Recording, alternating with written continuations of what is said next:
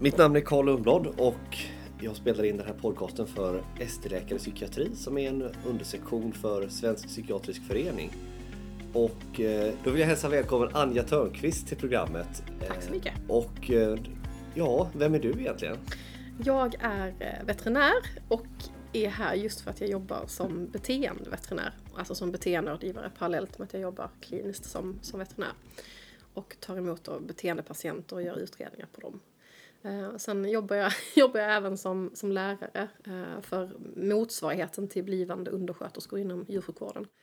Eh, det vill säga djurvårdare som det heter. Några dagar i veckan på ett gymnasium. Och sen jobbar jag också med lite internetrådgivning eh, en dag i veckan utöver det.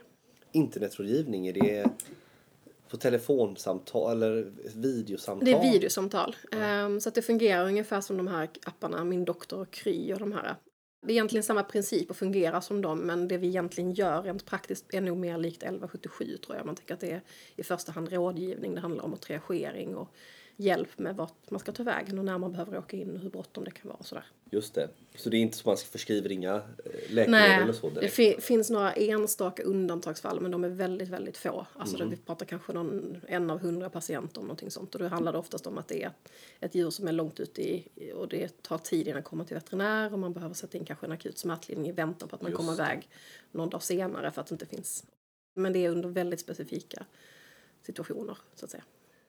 Jag ballar ur med ordningen direkt här och frågar vilka är de vanligaste smärtlindrande preparaten? Är det paracetamol och NSAID? Nej, just paracetamol är lite intressant för det, det, det kan man i viss mån använda på hund. Det är väldigt noga med dosering och så för att det är, det är en ganska smalt liksom, terapeutiskt fönster. För att inte ge leverskador då? Precis. Ja. Ehm, och även faktiskt kan även ge njurskador och en del andra problem. Så det, det, det går att använda men det är absolut ingenting som man använder jättemycket eller så. Utan det vi har är olika typer av NSAID-preparat. Ja. Så motsvarigheten till... alltså, Voltaren, Ipren? Ja, precis. Men det vi använder för allt är eh, någonting som heter Metacam eller Oncior, det finns ett till. Men om man säger, det som är själva liksom, substansen är antingen Meloxicam och sen finns det också då lite andra varianter. Det är de vanligaste. Men det är olika Jag kategorier. har ingen aning om vad det är. Men ju om NSAID är en form av koxhämmare. En bred koxhämmare. Sen kom det för människor COX-2-hämmarna som Ja. var, hade inga biverkningar med gastrointestinala blödningar etc. Men som gav jättemycket ökad hjärt-kärlsjukdom. Varför de drogs bort från marknaden. Aha, okej. Och i princip används bara ytterst, ytterst sällan. Är det en koxhämmare? Ja, det är det. Alltså det är också? COX-1 och COX-2. Sen har vi Ja. samma sak där att det har kommit COX-2 enbart som man också... Så Och vi det får finns väl se hur det går med hundarna Ja, här, om de- Jag har inte, hört att det skulle vara värre när det gäller hjärt-kärlsjukdom faktiskt. Ja. Men, nej, men man kan säga, alltså det, NSAID för oss är, det är ju i princip samma sak som för er, men det är andra substanser som då djur generellt sett tål bättre. Där Meloxicam är nog den jag skulle säga absolut vanligaste vi använder. Men det finns Caprofen till exempel använder vi också en hel Och, del. och om det är mera akut, då kan man gå in på morfinpreparat för djur också? Ja, det använder vi också en hel del. Alltså det, det är ganska intressant. Vi använder till exempel buprenorfin eh, och metadon är två av de vanligaste som vi använder Sub, just som vid- då för läkare vi brukar precis Subutex Ja, eller precis. Metadon. Ja, Ja, precis. Ja, Så ja. det, är- jag har förstått att det är lite, annan, lite annat användningsområde för er del jämfört med hos djuren. För det är, man kan säga buprenorfin och metadon är väl de två vanligaste vi använder. Och det är ju liksom på klinik som smärtlindring efter operationer framförallt. ja, just det. Så det, Ja, precis, det är ingenting man gärna förskriver hem till folk. Nej, för- gud nej. Alltså, man kan abs- det, det är inte helt ont att man kanske skickar med en färdigupptagen liksom, liten plastspruta som man kan ge då på slemhinnan i munnen eh, som en dos, enstaka dos efter att man har kommit hem efter operation. Men det är ju absolut ingenting som folk liksom har hemma och ger var och varannan dag på något vis. Nej, för det skulle ju innebära en risk för beroendeutveckling Ja, hos husse eller matte. Ja, alltså Eh. vi, vi, jag kan säga att jag tror de flesta veterinärer är väldigt, väldigt väl medvetna om just missbruksrisken i att folk tar till djurens mediciner för eget bruk. Eh, Ja, och det här är ju otroligt spännande alltså för som sagt för läkare, alla läkare har ju hört historien om eh, att hunden åt upp mitt recept, jag behöver Mm. mer medicin doktor.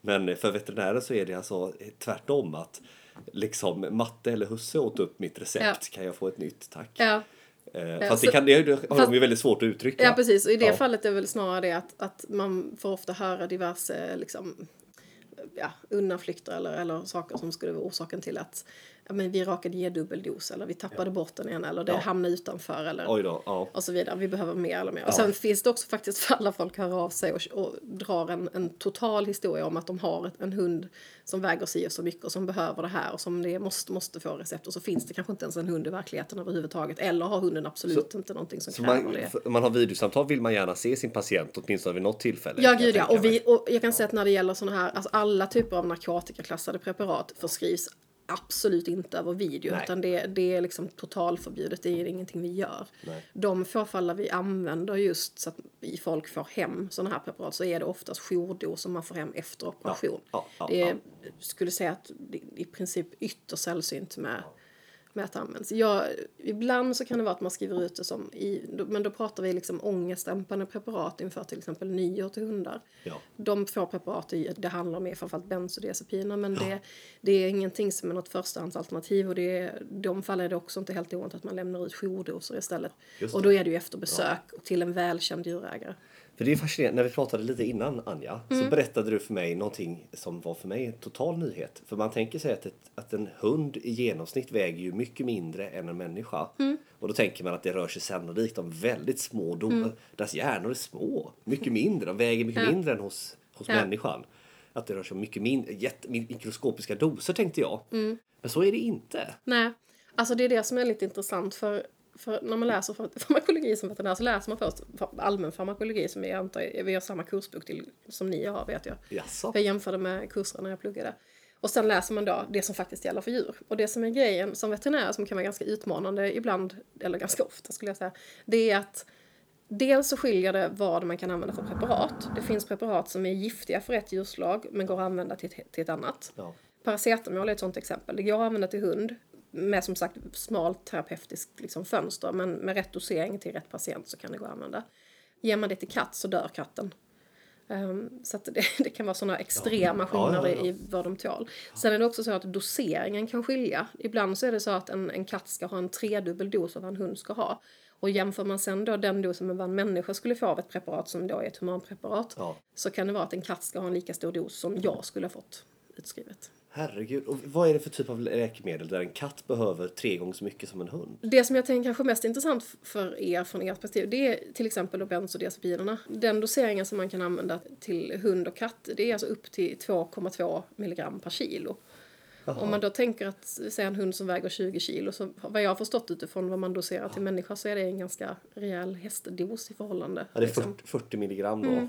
Just när man pratar om bensodiazepiner så har de ju jätteolika potenser. Eh, Stesolid är förhållan- jag på. förhållandevis diazepam. potent. Så precis Ja. 40 milligram stesolid, ja men det är mycket. Ja. Det ja, för är är just nog- 2,2 milligram per kilo Ja. det är just det, alltså diazepam, så stesolid. Ja, ja. Ehm, och till, det är maxdos liksom. Men det är ingenting som är omöjligt att ge till en hund eller katt. Jag menar, tänker du då att du har en större hund som väger... Det finns ju raser som väger 50-60 kilo. Eller 30-40. Ja. Eh, och jag menar, du, skriver du då ut... Det är vad jag Ja. ert Vet- perspektiv, Precis, helt 2 gånger galna 40 det är 80 milligram stesolid. Ja, herregud. Det, Ja. ja. det är mycket. Vad fascinerande. Är Det kan det... skilja. Sen finns det också den motsatsen där, där de då inte alls tål medicinen överhuvudtaget. Eller där det skiljer mellan djurslagen vilka som tål vad. Men också doseringen kan skilja. Så när jag har patienter, en sak som gör att det kan ta lite längre tid med mina patienter är att jag behöver räkna ut en individuell dos. Ja. Baserat på dels djurslag, ibland faktiskt också ras. För Ja. i vissa fall kan det vara så att det skiljer sig mellan raserna. Jaha. Vindtunna till exempel kan alltså, omsätter läkemedel på ett annat sätt än, än en, en spaniel till exempel. Jaha, de har snabba, det- snabbare metabolisering till exempel? Eh, eller långsammare metabolisering? Nej, det har att göra med ofta, ofta de skillnader som finns kan handla om alltså fettinlagring till exempel och sådana saker. Så att det är, eh, man vet att till exempel boxer är jättekänsliga för plegicil, alltså azopromazin. Azopromazin, plegicil, vad är det för någonting? Det jag ska gå in på detaljer, men alltså man kan säga att det är ett preparat som man använder ehm, i samband med sövning helt enkelt. Ah. Och det är ganska vanligt att använda. Jaha. Så att det finns en del sådana här skillnader som är ganska intressanta. Både mellan djurslagen och mellan, i vissa fall då, mellan raser och sen också då att det kan också vara dosskillnad. Det är inte alltid så att det, är att det skiljer att man inte kan ge det eller att man kan utan det kan också vara att det är en helt annan dosering. Det är ju oerhört fascinerande för jag menar med människor så vet man ju att det finns väldigt stora individuella variationer hur olika människor reagerar på, På läkemedel. eh, på läkemedel. Ja. Och jag brukar alltid säga det till mina patienter att jag kan inte gå i god för exakt hur du kommer reagera på det här preparatet. de har de här generella biverkningarna Mm. och det vanliga är att man drabbas av detta och detta. Men det är individuellt och vi måste liksom utvärdera och prova och se. Och så.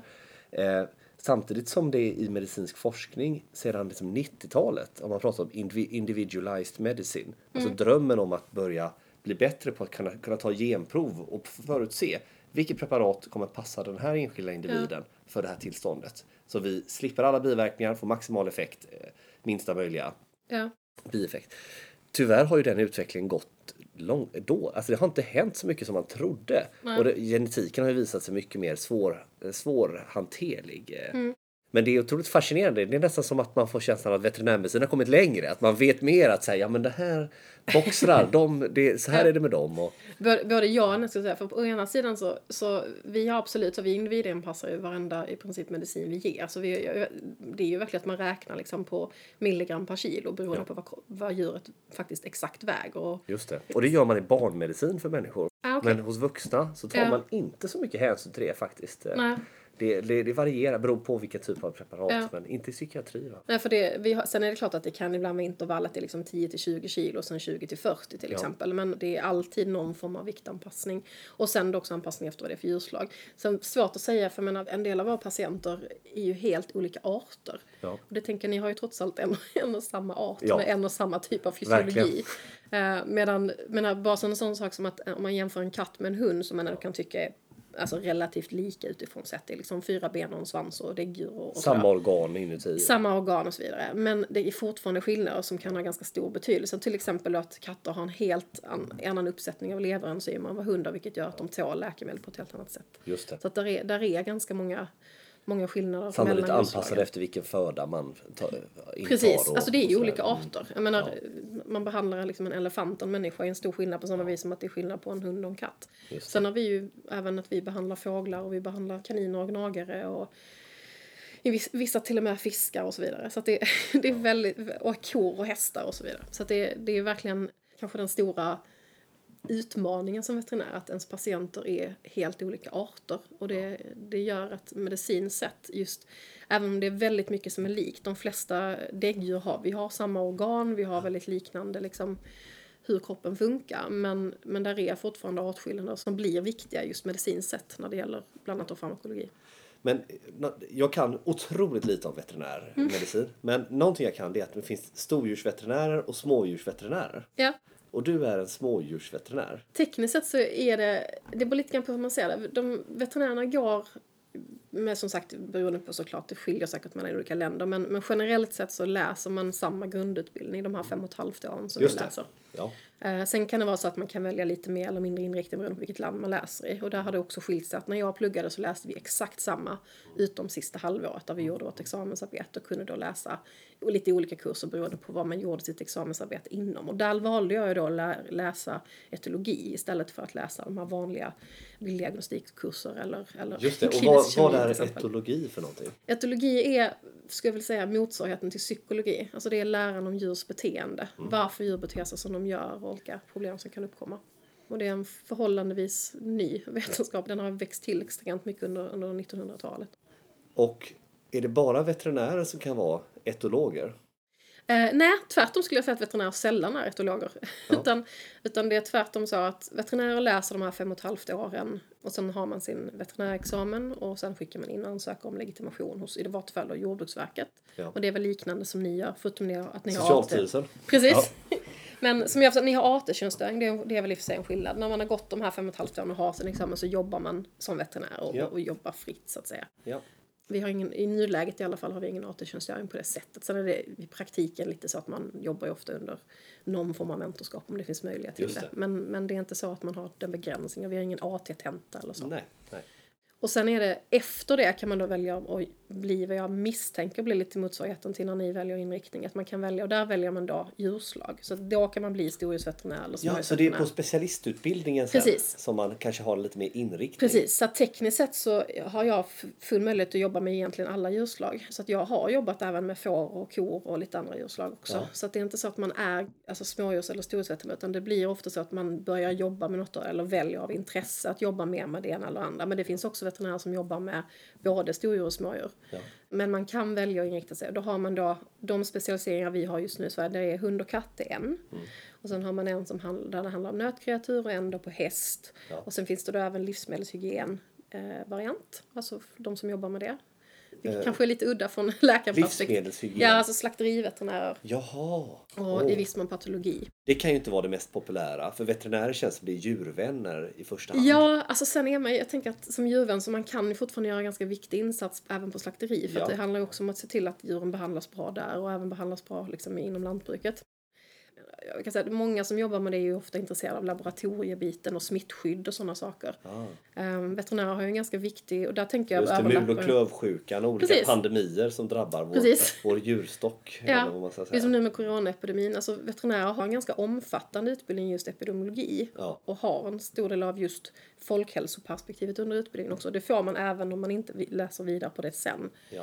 Så att även jag har ju läst kurser inom liksom, veterinär folkhälsa som det heter, där man läser och gör smittspårningar på och hur man hanterar utbrott av till exempel om mul och eller rabies och så. Och där ingår ju även en hel del zoonoser. Så att det, nu vet jag inte hur bekanta ni, eller hur ni jobbar med det begreppet, men inom veterinär liksom, branschen så pratar man mycket om det här med One Health, alltså det här där det överlappar mellan folkhälsa, alltså för människor, och hälsa och då smittskydd på djursidan. Ehm, Så att det, det är ett helt eget område. Så där kan man också välja att jobba och det är en hel del som gör. Ja. Och sen har man då möjligheten efter det, när man väl har en djurslagsspecialisering, då Ja. kan man gå vidare på organsystem. Så man kan till exempel då först bli till exempel hästveterinär och sen går man vidare och blir kardiolog. Eller ortoped, tänker jag mig stort. precis. Ja. Ja, Så att det, och där är det väl ganska Helt, likt. använder samma termer. Kardiolog, ortoped. Ja, det tror jag. Och jag vet att en grej som jag vet många läkare är helt fascinerade av när jag pratar med vänner och bekanta som jobbar som det, det är just att vi faktiskt pratar om patienter. Ja. Ja, visst. Djurägare och patienter. Ja. Djurägare och patient, ja. Istället för anhörig och patient så Mm. ja. Är det ägare här. Ägare och patient. Ja. Sen är det lite skillnad för att man kan säga det, det är klart att det är lite skillnad för oss som jobbar med, alltså på smådjur eller på häst. Mm. Där man har ett individperspektiv jämfört med de som kanske jobbar som besättningsveterinärer inom lantbruket och har hand om stora gårdar. Där är ju inte den individuella grisen eller kon på samma vis utan där handlar det om en besättnings... Besättning. Ja, precis. Man kallar en grupp med djur för besättning då, alltså Ja. på en gård. Ja. Ja, vad spännande. Besättning eller man Det är liksom- grupp, grupp, eh, gruppbehandling. Ja. Men hörru du, Mm. så du är ju veterinärpsykiater. Eh, får man säga. Men det är inte det begreppet du har använt. Nej, det är det inte. Men jag tror att det är väl det som... som Beteendeveterinär. Ja, beteendeveterinär. Jag har ju i grunden då en, en veterinärutbildning. Sen har jag läst kurser inom etologi som jag då har dels i viss mån läst när jag pluggade till veterinär parallellt. Ja. Men det innebär också att det här sista halvåret när jag valde att läsa det så fick jag helt enkelt gå utanför veterinärutbildningen och läsa tillsammans med husdjursvetare och, Ja. och andra. Så Ja. att de flesta som är etologer är utbildade till det. De har en, en, alltså en examen i biologi med inriktning på just då etologi. Ja. Ehm, Det, som sagt, där har varit, som sagt, jag sa att veterinärer är väldigt sällan etologer och etologer är väldigt sällan veterinärer utan ofta är man antingen eller. Sen finns det såklart enstaka fall där en etolog, alltså etologer pluggar vidare och blir veterinär eller, eller då veterinärer som jag läser vidare inom etologi och kanske till och med tar examen som det. Men, men, Men- det är två separata yrken. Men nu måste jag bara då fråga. Så, som psykiatri som eh, medicinskt fält för människor. Mm. Det är väl kanske det minst självklara medicinska specialiteten. Mm. Det är väl den, av alla medicinska specialiteter finns det väl ingen som är så liksom ifrågasatt. Så här, vad håller ni på med egentligen? Det här är- känns inte vettigt. Är det så alltså? Finns diagnoserna på riktigt? Ja. Är, vad är det här? Ja. Vad håller ni på med? Hjälper detta? Det är ju inte alls lika konkret som ett brutet ben eller, Nej. eller ett, ett hjärta som inte pumpar. Mm. Även om det är liksom någonting uppenbart när någon är svårt eh, psykiskt sjuk. Men Mm. så är ju vår specialitet ändå relativt sett ifrågasatt och alltid lite kontroversiell. Är det Ja. samma sak för en beteendeveterinär? I viss mån så är det det. Um, sen är det, jag kan säga, det är en ganska stor skillnad om man tittar internationellt sett. För i Storbritannien till exempel, som ändå inte är jättelångt bort och som är relativt likt Sverige om man tittar på hur det ser ut inom veterinärmedicinen generellt. För det finns ju en del skillnader. Det finns, I USA till exempel så finns det en del ingrepp man gör på djur, som att man till exempel opererar bort klor och sånt, vilket det skulle, man är helt totalförbjudet att göra i Sverige. Så där är vissa skillnader mellan länderna i Ja. hur man liksom synsättet på Legala och kulturella skillnader Precis. hur man hanterar djur. Ja, djur, alltså djurhållningssynsätt egentligen. Och det spelar såklart också roll för hur man ser på, på den medicinska biten. Um, sen är det absolut så att det här, om man säger så, området med just beteendemedicin inom veterinärmedicinen är ganska nytt i Sverige. Vi, det är jag och några fåtal till som jobbar med det. Ja. Um, En pionjär. Ja. jag vet inte om jag skulle våga kalla mig det, men, men ja, jo absolut. Ja. Lite udda fågel i alla fall om inte annat. Men, men eh, det man kan säga är att om man jämför med Storbritannien då till exempel, där är det en av flera specialiteter man kan välja att läsa vidare till. Ja. Så att precis som att man i Sverige kan läsa vidare och bli först till exempel hästspecialist och sen gå vidare och bli kardiolog till exempel. Så kan man då i Storbritannien göra motsvarande varianter men då bli det man kallar för animal behaviorist ja. på engelska. Och jag kan säga, i medicinen så tar man ju väldigt mycket intryck i Sverige. Mm. Man hämtar hem idéer och eh, liksom olika saker från England och, stor, Ja. och USA som är liksom stora inspirationskällor. Är det liksom lite samma sak inom beteende? I viss mån skulle jag säga att det är det. Ehm, sen är, skulle jag säga att jag tror att det är, där är ett visst tätt skott mellan USA kontra Europa. Ehm, och sen är det såklart också stora skillnader om man jämför med liksom inom olika länder. Nu jobbar inte jag så internationellt så jag har inte full insyn i det, ska jag ärligt säga. Men, men där är absolut en skillnad. Jämför man, när det gäller just beteendemedicinen så kan jag, som sagt, om, om jag ska gå kurser och så inom det till exempel och ska gå det för, an, för veterinärer, Ja. då är det brittiska veterinärer, franska veterinärer eller amerikanska veterinärer som är de man, man går för. För att det är de som har det som en, en egen liksom, inriktning eller specialisering. Så det är en absolut en skillnad. Sen har vi ju då etologerna som finns vid sidan av där Ja. man också då som veterinär kan gå, gå kurser för, ehm, för etologer för Ja. att lära sig vidare inom det, det området. Precis, men så skillnaden mellan en etolog och en beteendeveterinär det är förskrivningsrätten. Det är en av de stora skillnaderna. Och så vilken grundutbildning man har Ja, såklart. alltså etologer har ju inte någon, de har ju ingen medicinsk bakgrund på Nej. det sättet som man har som veterinär. Nej. Utan de är i grunden biologer oftast och har då en, en liksom etologi som sitt huvudämne. Eh, och är jätteduktiga på det. Medan veterinärer, vi, vi har ju hela den här motsvarigheten då till läkarutbildningen där Ja. man har lärt sig liksom om fysiologi och man har lärt sig om liksom farmakologi och sen har man då även de här lite andra bitarna med veterinärmedicin som till exempel här med livsmedelshygien som, Ja. som jag tänker från läkarperspektiv kanske upplevs som en, en väldigt udda grej att vara med och läsa liksom. Men det är trots allt en viktig del som Ja, ja självklart. självklart. veterinäryrket också. Även om inte alla som jobbar med det. Någonting som vi måste komma in på det är ju diagnosen. Mm. Eh, vad, fi- finns det några diagnoser? det finns det absolut. Alltså man kan säga att det är en sak som jag, som jag har förstått det på som är en väldigt markant skillnad det är ju att vi har ju inte vad ska man säga, när det gäller de här mer liksom beteendemedicinska som sagt, vi använder inte begreppet psykiatri heller. Nej. Utan, och man använder inte samma, alltså riktigt samma termer för saker och ting. Vi pratar inte om att djur får psykoser till exempel. Och vi pratar inte om att katter är deprimerade och vi pratar inte om att man har, eh, alltså det är en annan typ av problematik. Ofta pratar man om, om rädsla och ångesttillstånd till exempel. Ja. Eller om man pratar om fobier, det är väl i och för sig samma Ja, term ja. misstänker jag. Och sen pratar vi, vilket då egentligen är baserat i, i etologin, att man pratar om stress och coping och Ja. sådana saker. Man, så när jag har en patient, en katt som kissar inne till exempel, så säger inte jag att katten är deprimerad eller ställer diagnosen depression, utan, Nej. utan man pratar om stresstillstånd. Ja. eh, Eller multifaktoriella tillstånd. Men om jag pausar det där då. Mm. För, för det, som sagt, det som är intressant är i, för människor, vi Mm. har våra diagnoser Ja. eh, och så. Men vi har också ett utmaning att de överlappar väldigt mycket. Och det är inte lätt att...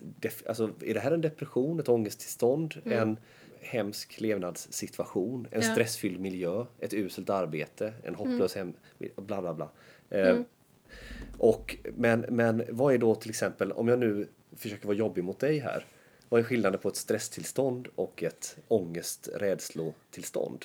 Ehm, Jag skulle säga att ett konkret exempel på det som försöker göra det så handfast som möjligt är väl att ett stresstillstånd är till exempel en katt som har fått en, en cystit eh, till följd av stress. En urinvägsinfektion? Ja, precis. Inte ja. bakteriell utan en ren inflammation. Det Åh. påminner egentligen, man kan säga att det påminner snarare kanske om de här IBS och den typen av problematik. vad Alltså det, inflammatorisk blå, Ja. ett, eh, urinblåsa helt ja, enkelt. precis. Och Ja. man, man, får, liksom, man kan se att det är en liksom interstitiell eh, cystit oftast i blåsan med liksom, ja, man kan få hematuri och, och hela grejen. Men det är ingen bakteriell sjukdom i de allra flesta fall.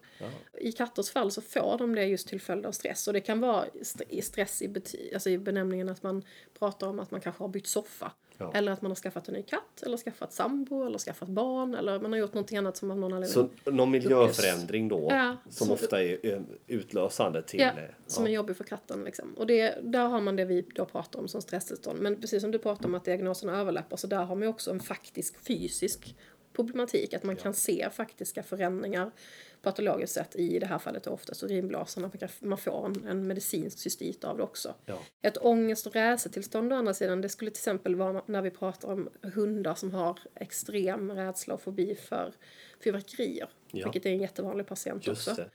Där är det ju liksom ingen... de Eller har ju- brandlarm kanske. Ja, precis. Det som är, det Alltså som höga, är jobbiga höga ljud. Ja. Eh, Just ljudrädsla generellt är ett jätteproblem på hundsidan. Där ofta det är att det börjar liksom med, med nyår och fyrverkerier och så blir hunden rädd för just den, här, den typen av höga smällande ljud och sådär. Ja. Och sen blir det ofta att det lätt kan eskalera och bli liksom mer och mer. Den, den patienten jag hade som var en, en hund med en då ångestproblematik eller rädsla och fobi.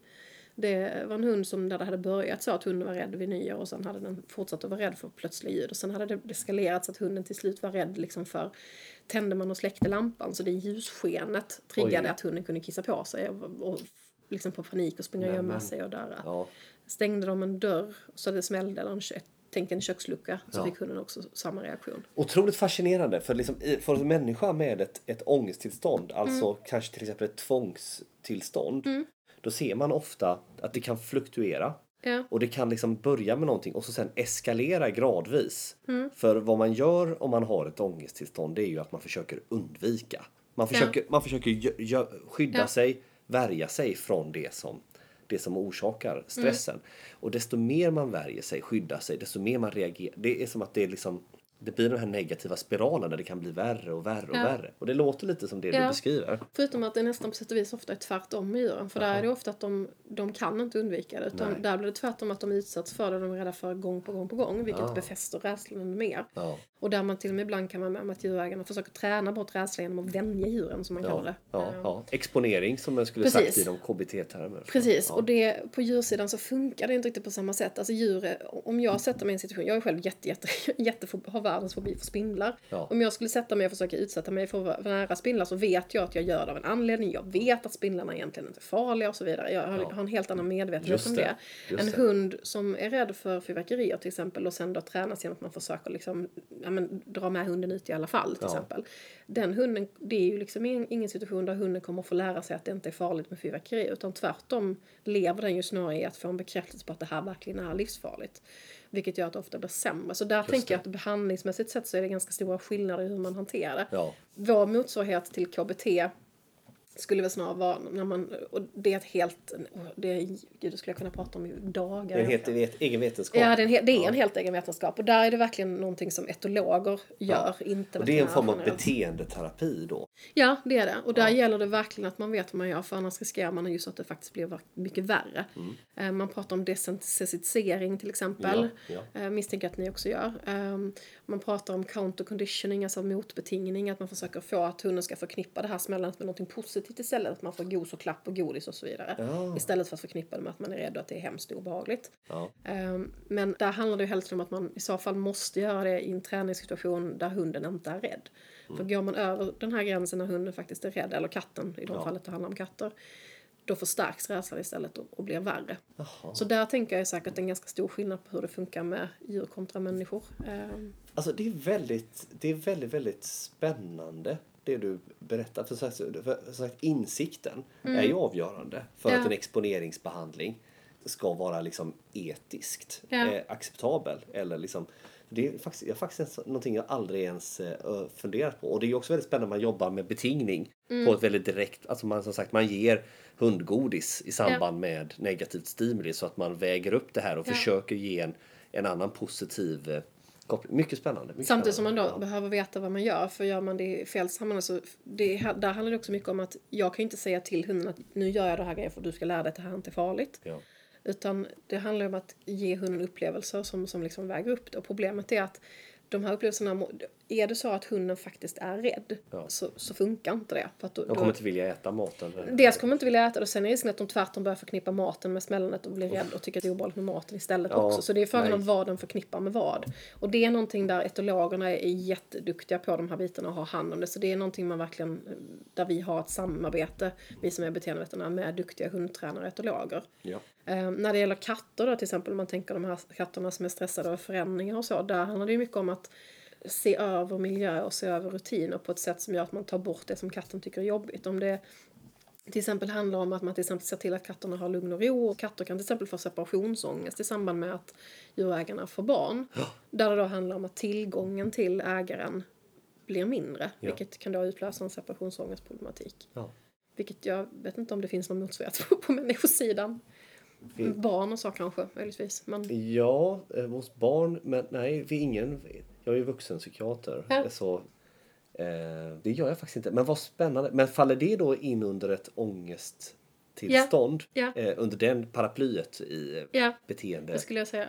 Jag vet, vi pratade lite grann innan här om just det här med att det är en ganska stor skillnad i just vad gäller diagnoser och sådär. För att vi har ju vi har absolut liksom, en lista med diagnoser, men då pratar vi liksom benämningen på dem. Att man pratar om liksom, ja, när det gäller de fysiologiska och patologiska bitarna så har man ju konkret att man har, ja, men vi har olika typer. Vi har HCM till exempel på hjärtsidan och vi har DCM, alltså dilaterad eller hypertrofisk myopati och så vidare. Ja, ja, Och det är liksom konkreta och där, där är det ju liksom en fysiologisk sjukdom eller kroppslig sjukdom. ja.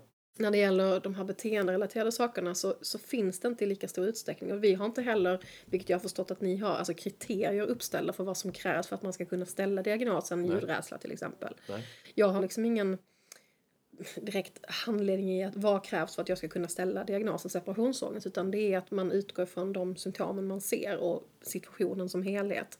Just det, anamnesen, alltså historien, Ja. berättelsen Och vad jag ser vid bedömningen. och liksom, vad av man ser och bedömer. Och så väger man ihop det. Och så anhöriganamnes då, eller, Ja. eller ägar, Djurägare i fallet. djurägar Ja. eh, eh, berättelse såklart.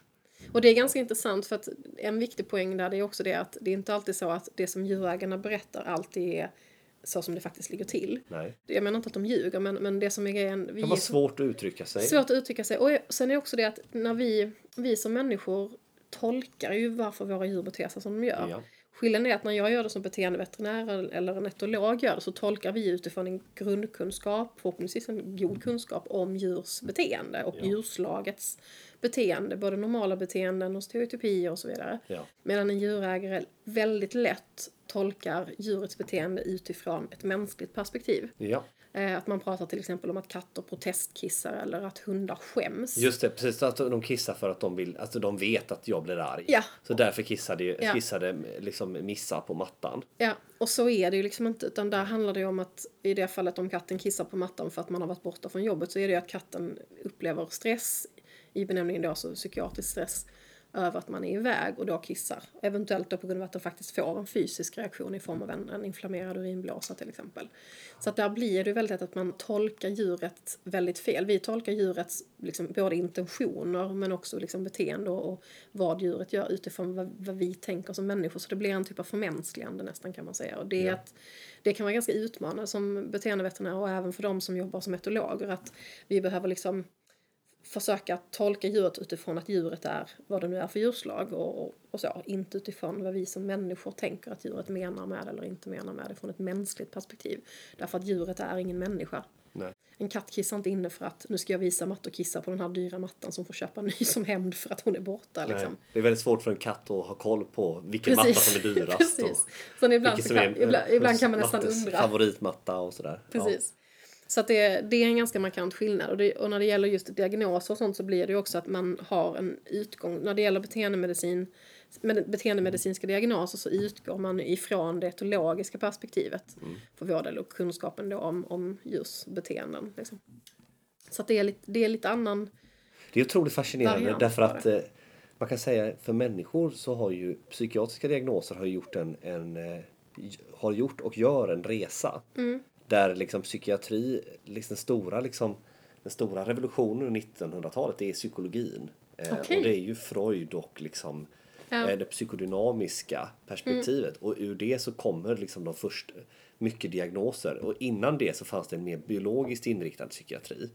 Eh, där diagnoserna i viss mån liknade de vi har nu med liksom tidiga varianter av schizofreni som kunde kallas för andra benämningar på Okej. den tiden. Till exempel dementia praecox, alltså någon form av demenssjukdom som kan drabba en yngre person med märkliga beteendeproblem. Till skillnad från andra tillstånd som man kunde bli jättesjuk och sen bli bra igen och så sjuk igen. Som då eh, har kommit att benämnas som bipolär sjukdom till exempel. Okej. Som skiljer sig i sin natur. Eh, Men det som, nu, nu snurrar jag iväg istället här. Men det som är fascinerande är att vi har ju gått en otroligt resa mellan de här psykologiska diagnoserna. Ja. eh, Och nu egentligen är inne i liksom en fas som är kanske lite mer biologiskt präglad med då neuropsykiatrin och Ja. eh, de medfödda tillstånden och eh, forskningen som försöker i allt högre grad hitta biologisk etiologi i hjärnan som Ja. förklarar varför vissa personer drabb- är så benägna att drabbas av depression, tvångssyndrom till exempel, psykossjukdom eller bipolär sjukdom. Eh, där man inte har kommit jättelångt kanske. Eh, det, beror på, det skiljer sig åt vem man frågar kan man säga. Okej. Men så ni, ni gör en egen resa som också är då etologiskt präglad. Eh, Ja. Alltså som är baserad på de här observationerna, vetskapen, kännedomen om eh, djuren. Precis, sen har vi ju, för vi, man kan säga så, det, det finns ju också så här diagnoser som överlappar lite grann. Som till exempel här pratar om att, att katter som upplever olika typer av stresstillstånd och så oftast får faktiskt en fysisk sjukdom i form av då en, vad kan man säga, en motsvarighet till IBS är väl det mest liknande jag kan komma på med min något begränsade Ja. kunskap om människans fysiologi Ja, och patologi. Men, men Stressmage hos djur då alltså? Ja precis, men i det fallet då hos katt så blir det då att det handlar framförallt om urinblåsan som blir inflammerad. Det. Man brukar, brukar prata om, om felin idiopatisk cystit kallas Ja, det på ja, ja, veterinärspråk numera. Det har haft lite olika namn. Um, Felin idiopatisk cystit. Där man då ser att det är en, en multifaktoriell sjukdom där stress ofta är den utlösande. Och det, stress i den benämningen kan vara liksom sagt allting från att man köpte en ny soffa till att katten har varit ensam mycket till att man har skaffat familj och så vidare. Ja. Sen har man också de här konkreta sakerna som ljudrädsla eller rädsleproblematik hos hund som är ganska vanligt. Finns också hos katt självklart. Ljud, Men just ljudrädsla är en väldigt vanlig. Eh, vi, har också, vi kan också se någonting som är någon form av motsvarighet till demenssjukdom hos både hund och katt. Ja. Eh, där man faktiskt kan se inlagringar i hjärnan. Eh, som Vilken då- typ av symptom kan man notera hos en dement katt eller En hund? dement katt eller hund, det absolut vanligaste det är nattlig oro. Att de går av an och vankar. Att de kan gå samma runda i huset eller lägenheten en gång varv efter varv efter varv, framförallt nattetid. Ja. Eh, De kan också, en annan sån sak de beskriver är att de kan fastna. Att man till exempel hamnar de på liksom fel sida av dörren så kan de inte backa och liksom gå till, runt om och sen ta sig förbi utan de fastnar där. Eh, Man kan också se att de sitter och stirrar in i väggar ibland, stundtals. Det där med att de fastnar, otroligt fascinerande. Det låter lite som, det finns ju vissa tillstånd eh, dopaminsjukdomar, till exempel Mm. Parkinsons sjukdom hos människa. Där man kan få vissa fenomen att man kan fast, alltså om en tröskel, man klarar inte av Nej. utan att man låser sig. Och det är lite liknande vi kan se hos, hos demenspatienterna på hund och kattsidan. Um, en annan sån sak som man också ser som, när man pratar om demens och så, så brukar man ibland använda en förkortning som heter DISH eller DISHA. Där det står för disorientation och sen har man då, man kan säga att det handlar dels om desorientation, alltså att hu- hunden eller katten inte har koll på var de befinner sig, som i det fallet då. Ja. Eh, Man kan också se att man kan se att interaktionen, alltså i då blir annorlunda. Så då pratar vi interaktionen både med kanske hundkompisen eller katten som hunden bor med eller främmande människor eller personer den lever med. Dels kan man ibland se en ökad att djuret följer efter sin matte eller husse hela tiden och är väldigt osjälvständig och behöver liksom den här ökade tryggheten. Eller tvärtom, att de inte verkar känna igen sina familjemedlemmar lika mycket och verkar tvärtom då blir avståndstagande. Så det kan slå på båda hållen. Kan det ge aggressivitet också? Det då? kan det också, absolut. Och det har ju oftast, oftast då i de fallen så kopplas det till att menar, har man en hund som bor med en annan hund och de kanske också då inte har koll på riktigt vem som har vilken matskål och de går till den andra hundens matskål så kan man få lite gruff mellan hundarna av den anledningen till Ja, exempel. Det, precis, de bryter mot eh, sociala regler. Ja precis, och i det fallet hundar är ju flockdjur så där är det också att hela flock, alltså deras flockliv tillsammans med sina hundkompisar blir ju påverkat om man inte riktigt har koll på vem man är eller vem den andra är längre Ja. i viss mån. Och Just sen det. kan man också se att ångesttillstånd generellt, att en hund som kanske tidigare har varit lite smårädd just vid extrema åskoväder Ja. kan plötsligt bli rädd för även liksom, det kan kräva mindre för att trigga igång det, att den kan även bli rädd för smällar helt plötsligt. Jag förstår. Och sen har man också ibland att de blir då rumsorena. I vilken ålder kan demenstillstånd eh, tillstöta hos Ehm, djur? Det är ju äldre djur generellt och där är det, det på tal om det här med, med djurslagsskillnader så är det ju, där skiljer du mellan hund och katt och också mellan raser på hundarna. Ja. En liten hundras, om vi säger en tax till exempel, är ju inte gammal förrän den är säg 10, 11, 12. Ja. Pratar vi en Grand Danois, alltså en hund i kategorin som väger ett antal tiotal kilo. Ja, de är ju urgamla redan när de är 8-9 Ja. och blir sällan över 10. Men man kan säga att generellt sett så brukar man väl kanske börja se det när de är runt, ja, runt 75 procent, 65-75 procent av sin förväntade livslängd. Jaha. Men den faktiska åldern i år skiljer sig beroende på liksom, ifall det är en liten eller stor hund. Jag förstår. Jag förstår. Och det är samma hos katt. Hos katt är det oftast katter över 10. Och en katt kan ju bli liksom 15-20 utan... ja. Så att där är det där någonstans man kan se det. Jag har några till frågor här som jag Ja. tycker är intressanta. Ska vi, ska vi unna oss en paus kanske? Mm. Ja, vi Jag kan säga en kort annons, jag tänkte bara som en, en liten översikt. För, det tänker jag kanske kan vara bra för att koll på vad, de diagnoser vi framförallt pratar om. Det är liksom det är ångest och rädsletillstånd då. eh, Ja. Och fobier, som till exempel ljudrädsla hos hund. Ja. Eh, Eller att en katt som är rädd för, för människor för att den har växt upp i ett sammanhang där den inte blivit van vid människor till exempel. Sen har vi då demenssjukdom, det gäller, gäller ju egentligen både hund och katt. Ja. Eh, och det är ganska liknande. Eh, det som är lite taskigt här för katterna är att deras, deras de här inlagringarna i hjärnan som är orsaken till det är ofta värre hos katt och de svarar också sämre på medicinering. Men det är egentligen i grunden samma problematik. Och sen har man då olika typer av stresstillstånd, även då olika typer av revirstress som är vanligt hos katter till exempel, där man har en kattosämja i grunden. Eh, Där man då har den här kopplingen till, till att de ofta får problem med sin, sin urinblåsa, alltså får en inflammatorisk urinblåsesjukdom Ja. på grund av det. Det är liksom de allra vanligaste kan man säga. Och sen har vi då den sista som är en egen, som egentligen är ett symptom.